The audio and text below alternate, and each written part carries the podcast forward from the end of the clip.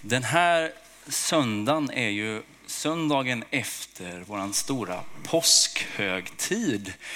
Jag måste bara få börja med att säga att jag tycker att vi har haft en så härlig påskhelg i kyrkan. Jag räknade efter lite och, och, när man tittar på siffrorna så inser jag att när den här påskhelgen, om man räknar ihop då alla samlingar, den här siffran säger inte jättemycket eftersom många av er var på alla samlingar. Men om man nu räknar ihop eh, så var vi över 500 den här helgen.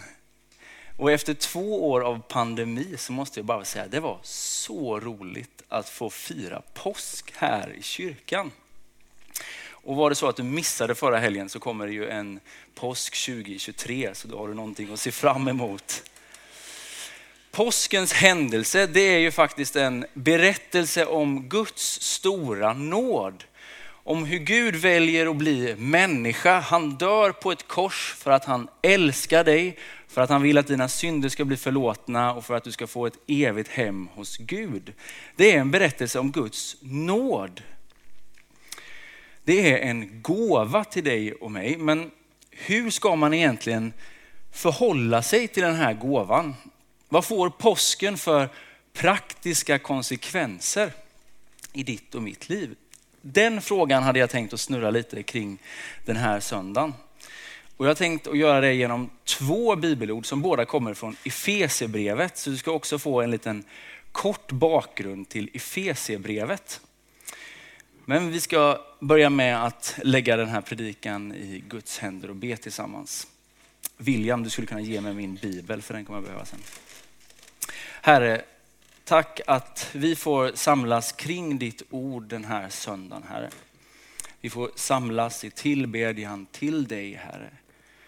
Tack att du vet vad vi bär med oss till den här gudstjänsten, till den här predikan, Herre.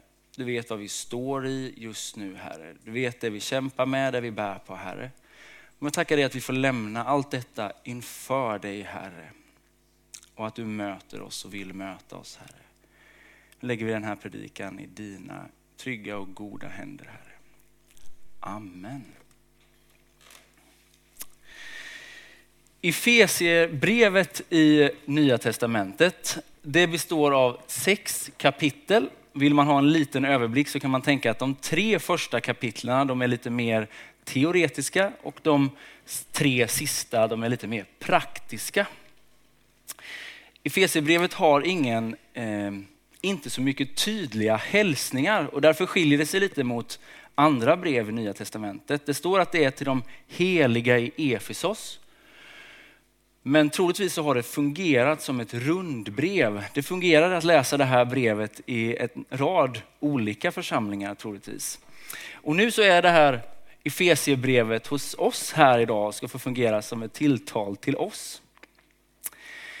En annan sak som jag tänker att man kan vara bra att ha med sig, det är att Paulus i Efesierbrevet, eh, han skriver ibland vi, ibland ni. Eh, och han skriver till två olika grupper. Han skriver till grekisktalande och han skriver också till eh, judar. Så ibland när han säger ni, då menar han alltså de grekisktalande. Och när han skriver vi, då menar han ibland sitt eget folk, judarna, men han menar också ibland båda de här grupperna. Så det är lite, eh, kan vara lite förvirrande, men, eh, men vi ska reda ut det under tidens gång här. En annan sak som jag tänker att man kan ha med sig in i de här texterna, det är att eh, det här liksom kulturen och tänket som vi på något sätt hoppar in i när vi läser i Bibeln är mycket mer kollektiv. Alltså, det finns ett mycket större vi-tänk än vad vi ibland har eh, här. Vi är lite mer individualister. Det tycker jag, det kan man också ha med sig. Men jag tror att just en sån sak kan vi lära oss av antikens folk. Allt vill vi inte ha tillbaka, men det är nog en grej som jag tycker vi kan eh, få inspireras lite av. Lite mer vi-tänk. Så nu ska ni få ett mycket välkänt bibelord ifrån Efesierbrevets andra kapitel. Där står det så här. Ty av nåd är ni frälsta genom tron, inte av er själva. Guds gåva är det. Det beror inte på gärningar. Ingen ska kunna berömma sig. Vi är hans verk, skapade genom Kristus Jesus till att göra de goda gärningarna som Gud från början har bestämt oss till. Livet är en gåva ifrån Gud. Det här är kanske en av de mest eh, grundläggande tankarna. Livet är en gåva ifrån en god Gud. Och allt det som är gott som möter oss i livet ska ytterst sett betraktas som gåvor ifrån Gud. Det här är ju någon slags grundläggande kristen tanke. Gud är god, livet är en gåva. Sen finns det mycket som är komplext och svårt i livet. Det ser man inte minst i Bibeln. Men det här är någon slags grundläggande tanke. Livet är en gåva ifrån Gud. Hur ska man då hantera den här gåvan? Livets gåva eller frälsningens gåva? Ja, men jag tror att den här versen kan kännas lite förvirrande för oss ibland. För det står ju att först, så jag når den i frälsta genom tron, inte av er själva, Guds gåva är det, det beror inte på gärningar. Men sen är vi också skapade till goda gärningar. Först är det som att det är helt kravlöst. Och sen i sista versen så kommer detta, så är ni också skapade till goda gärningar. Hur hänger det här ihop? Det kan ju kännas lite som en paradox i våra öron. Jag vet inte vad du har eh, för förhållande egentligen till gåvor. Jag tillhör de som tycker att det är lite svårt att ta emot gåvor och det har jag alltid gjort. Det är någonting med att man ska, man ska reagera på, på ett liksom, positivt sätt, även om man skulle kunna vara lite besviken jag har alltid haft svårt för det där. Jag blir påmind om det där, nu är man ju i, i den här fasen där det är mycket barnkalas och grejer. Jag hade aldrig barnkalas som liten. Nu ska ni inte tycka synd om mig. För det här var nämligen helt självvalt. Eh, och jag blir påminn om det, för jag frågade mamma här om, för ett tag sedan, men vad är, vad är det egentligen, liksom, varför hade jag inte barnkalas? Nej men det var ju du själv som inte ville ha det. Du trodde inte att du skulle få några tillräckligt bra presenter. Så du tyckte liksom att det var bättre att slippa det där momentet, vet man ska sitta i en ring och man ska ta emot någonting. Du vet, tänk om jag skulle få en nallebjörn eller en bil. Jag vill ju bara ha lego. Liksom. Jag tyckte det var ett väldigt obehagligt moment och fram till denna dag så vill jag bara säga att den bästa presenten det är ett platt kuvert med sedlar i. Man behöver inte be om kvitto och man behöver inte liksom fejka någon slags eh, glädje om man inte känner det.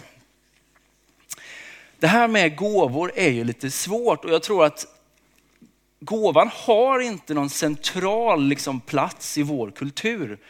Vi är lite mer, du vet, vi skriver ett kontrakt. Eh, gåvor hör mer till liksom födelsedagar och julaftnar och kanske mest när barnen är små. Sen liksom avskaffar vi lite, lite det där. Vi vill, ha, vi vill ha ett samhälle utan gåvor. Men så var det inte under antiken. Då hade gåvan en otroligt central plats, både i det religiösa livet men också i samhället i stort.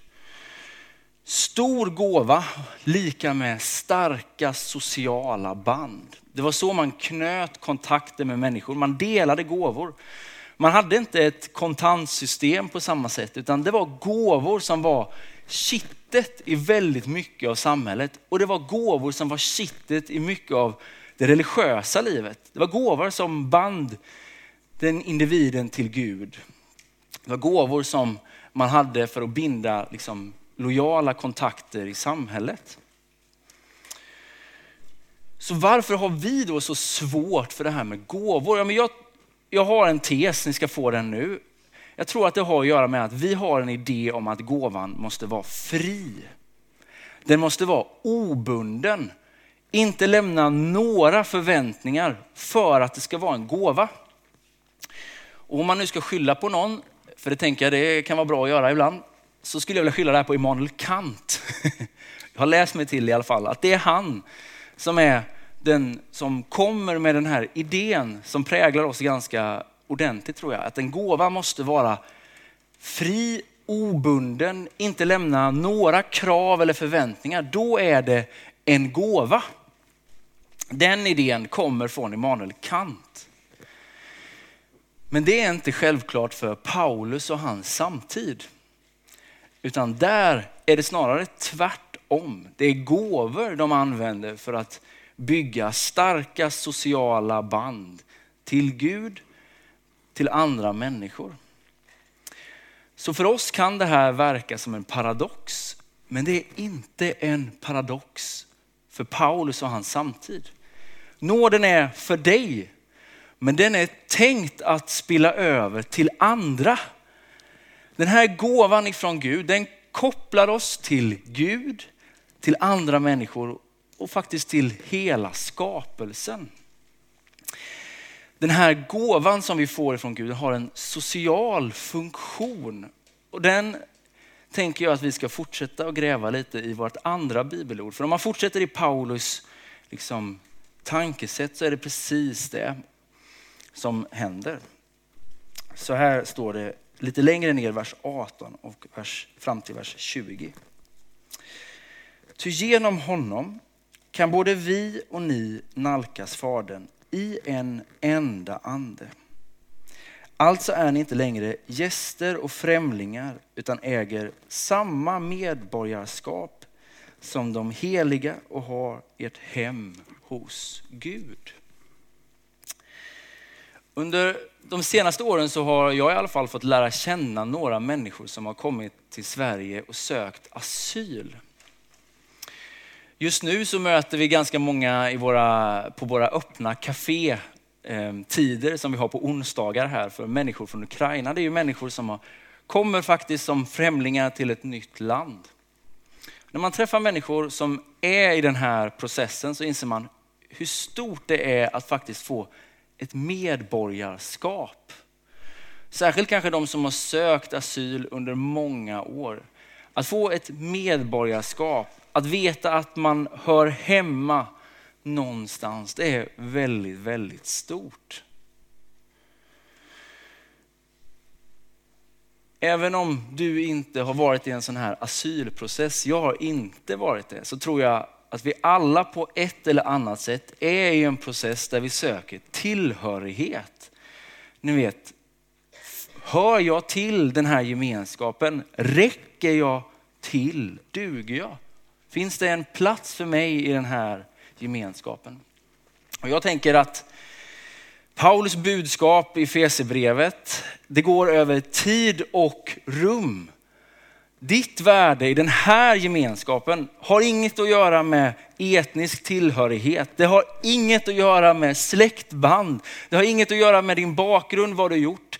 Det har inget att göra med ditt engagemang eller hur andlig du är. Det har att göra med Jesus Kristus. Att han har dött och uppstått för dig. Det är på något sätt grunden för det som är Guds församling. Den här nåden som, som Paulus talar om, ja, men den är för dig. Men det är tänkt att den ska spilla över till andra. Jag tillhör ju de som tycker att det är väldigt bra att vi faktiskt har medlemskap i våra kyrkor. Det är ju något slags arv ifrån förenings-Sverige. Att man behöver ansöka och bli medlem kräver ju någon form av överlåtelse. Jag kan inte vara precis överallt, men jag ska vara här. Jag behöver rota mig i den här platsen och den här gemenskapen. Och jag inser att ja, men ganska många tycker att det där är lite begränsande. Det är skönare att hålla lite distans och kunna glida runt lite och, och, och ja, hålla lite avstånd helt enkelt. Men jag tror att det finns en, en stor eh, frihet i att faktiskt begränsa sig något. Att hitta en plats att rota sig. För ett antal år sedan så fick ju vi vår första son Harald. Jag har ett sånt tydligt minne av, eh, av den där upplevelsen det var att gå ifrån två till att bli tre helt plötsligt. Jag och Sara vi hade någon, någon väldigt naiv ehm, liksom, eh, liksom, insikt eller tanke var det väl egentligen. Eh, att det skulle bli fantastiskt. det skulle bara vara som vanligt. Eh, och vi skulle, vara, ja, men det skulle vara, vi skulle kunna göra precis det vi alltid har gjort. Ni vet, plus lite bebismys och långa skogspromenader och te. Det hade vi liksom målat upp och så kom Harald och bara totalt vände upp och ner på hela våran tillvaro. Det var ju så begränsande att bli förälder. Helt plötsligt kunde man inte alls göra det man hade tänkt. Man var ganska bunden hemma. Jag kommer ihåg att vi, vi första veckan skulle ta bussen in till stan och satt på en par, parkbänk och grät. Han, alltså Harald grät och vi grät. Och bara, men hur ska det här gå? Vad gör vi? Men över tid så har jag ändå fått inse att det, det här har fått vara en stor frihet. Jag måste faktiskt inte vara överallt. Ja, våra barn är fortfarande någon slags begränsning över vad vi kan göra. Vi har inte full valfrihet. Men vi har någonting att samlas kring som är väldigt gott. Jag skulle säga att det är det som är faktiskt frihet. Det är att begränsa sig något och det är att göra det som är gott. Frihet är inte att ha full valfrihet. Du kan gå ut och fråga vilken alkoholist som helst. De skulle säga nej, det är inte frihet. Frihet är att faktiskt göra det som är gott. Så den här nåden som vi får ta del i påskens händelser, nåden i våra liv, allt det goda som möter oss. Ja, men det är tänkt att spilla över till andra. Och det är i sig en del av gåvan. För frihet är att faktiskt göra det som är gott. Du ska få två utmaningar ifrån det här att ta med dig in i den här veckan som ligger framför. Det första är att varje morgon den här veckan börja med att tacka Gud. Börja att se över vad är det som är av godo i ditt liv? Vad är det du har fått? Du har fått livet som en gåva. Du kanske kan räkna upp en eller två eller tre saker till. Tacka Gud för det som är gott i ditt liv och sen så ska du tänka nästa tanke, ja men det här är liksom inte tanken att det ska stanna i dina händer bara. Det är en gåva som är tänkt att spilla över till andra, till människor runt omkring dig. Hur kan det få göra det den här veckan? Det andra jag skulle vilja att du funderar över det är, har du hittat en liksom plats i den här gemenskapen? Jag inser att det är, det är inte helt självklart, även om man har varit med här många år. Har du hittat din plats? Jag är helt övertygad om att Gud också har skapat dig till att göra goda gärningar. Den här nåden har en, en social eh, funktion. Den binder oss till varandra. Har du hittat din plats? Ja, men min bön är att du skulle få göra det, att du skulle få hitta din plats. Den goda jord där du får växa, hitta gemenskap, vänner, uppgifter. Och jag inser att det här är inte alltid helt givet, det är inte alltid helt lätt. Ibland tar det tid, ibland behöver man jobba på det, ibland behöver man hjälp. Men jag tror på riktigt att det finns en plats för varje människa hos oss. Fundera över det. Har du hittat din plats? Kanske kan du hjälpa någon annan att hitta sin plats i vår gemenskap. Nu ber vi. Herre, tack att vi får komma till dig den här söndagen, Herre. Tack att du är så god emot oss, Herre. Att vi får ta emot så stora gåvor från dig, Herre. Vi får ta emot livet som gåva, Herre. Allt det som är gott runt omkring oss, Herre. Hjälp oss, Herre, att kanalisera detta goda ifrån dig, Herre. Låt nåden få spilla över till andra, Herre. Jesus, jag tackar dig för att amen, den här gåvan, Herre, får ha en funktion i våra liv, Herre. Får bli en praktisk tillämpning, Herre. Och att detta faktiskt är frihet, Herre, att få göra det som är gott. Jesus, hjälp oss att skapa enhet och tillhörighet i vår gemenskap, Herre. Be att din heliga ande skulle få vara kittet som binder oss samman, Herre. Herre, du ser den som står, eller kanske känner att den står långt ifrån vår gemenskap och längtar efter det. Herre, led oss närmare varandra, Herre. Led oss närmare dig, Herre. Hjälp oss att se varandra, hjälp oss att lyfta varandra, Herre. Jesus, jag tackar dig för, för nåden att få tillhöra dig, Herre. Amen.